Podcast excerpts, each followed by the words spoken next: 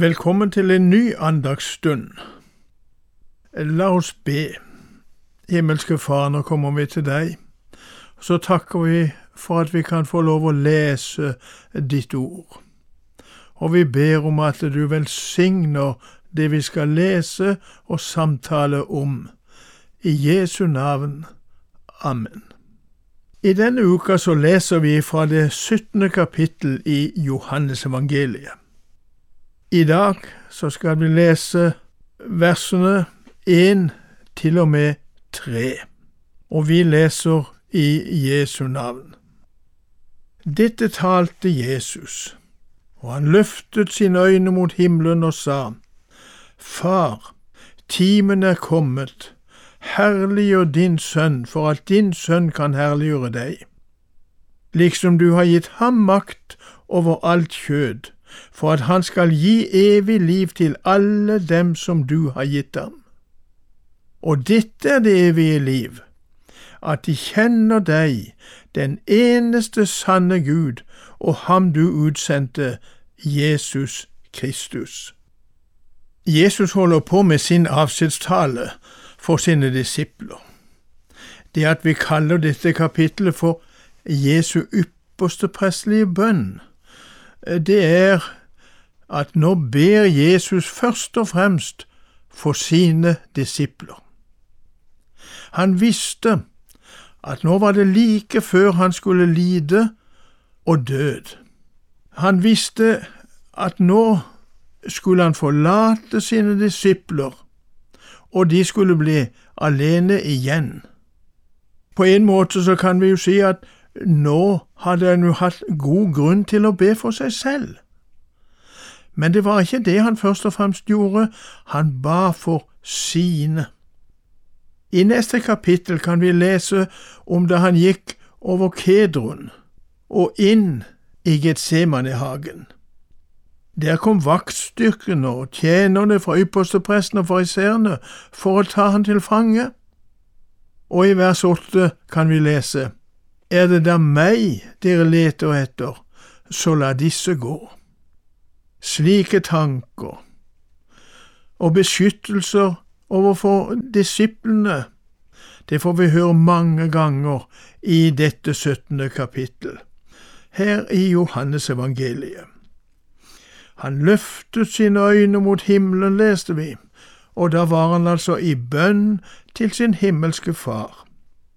Først ber han om at han nå må bli herliggjort, for at han, som er sønn, kan herliggjøre sin far, liksom du har gitt ham makt over alt kjød, sier han, for at han skal gi evig liv til alle dem som du har gitt ham. Her hører vi hovedsaken. Det var å gi evig liv. Og nå hadde han tydelig sine disipler igjen i sine tanker, når han sier til alle dem som du har gitt meg. Det evige liv, hva er det? Og hvordan kan vi få det? I det tredje verset som vi her leste i Johannes 17, så fikk vi lese om et enkelt og klart svar. Og dette er det evige liv, at de kjenner deg, den eneste sanne Gud, og Han du utsendte, Jesus Kristus. At de kjenner deg, og Han som du utsendte.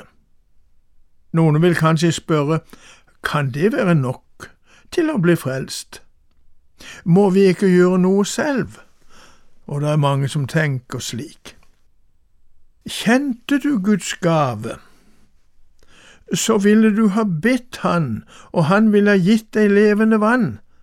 Ja, slik sa Jesus til den samaritanske kvinne, som han samtalte med ved brunnen i Samaria.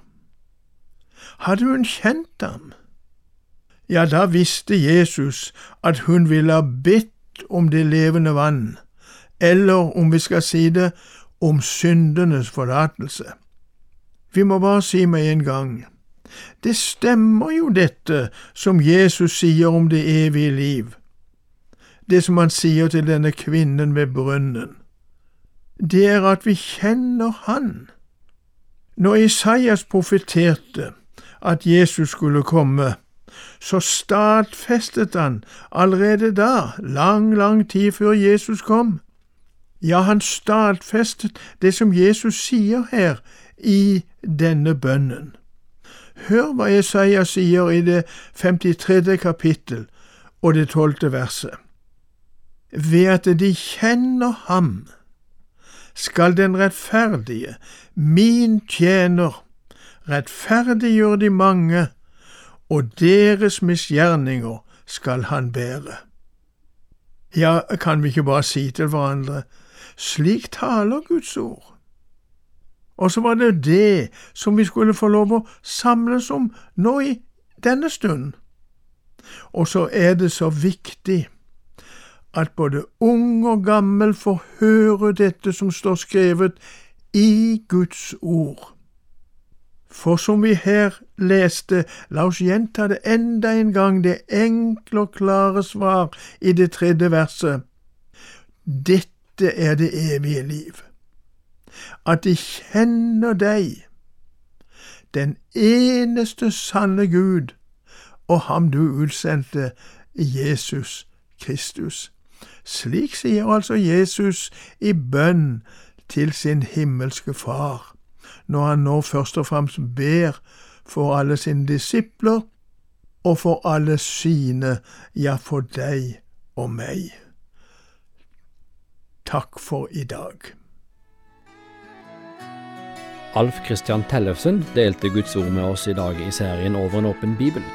Den produseres av Norea Mediemisjon, og du finner vårt rikholdige arkiv av andakter på norea.no.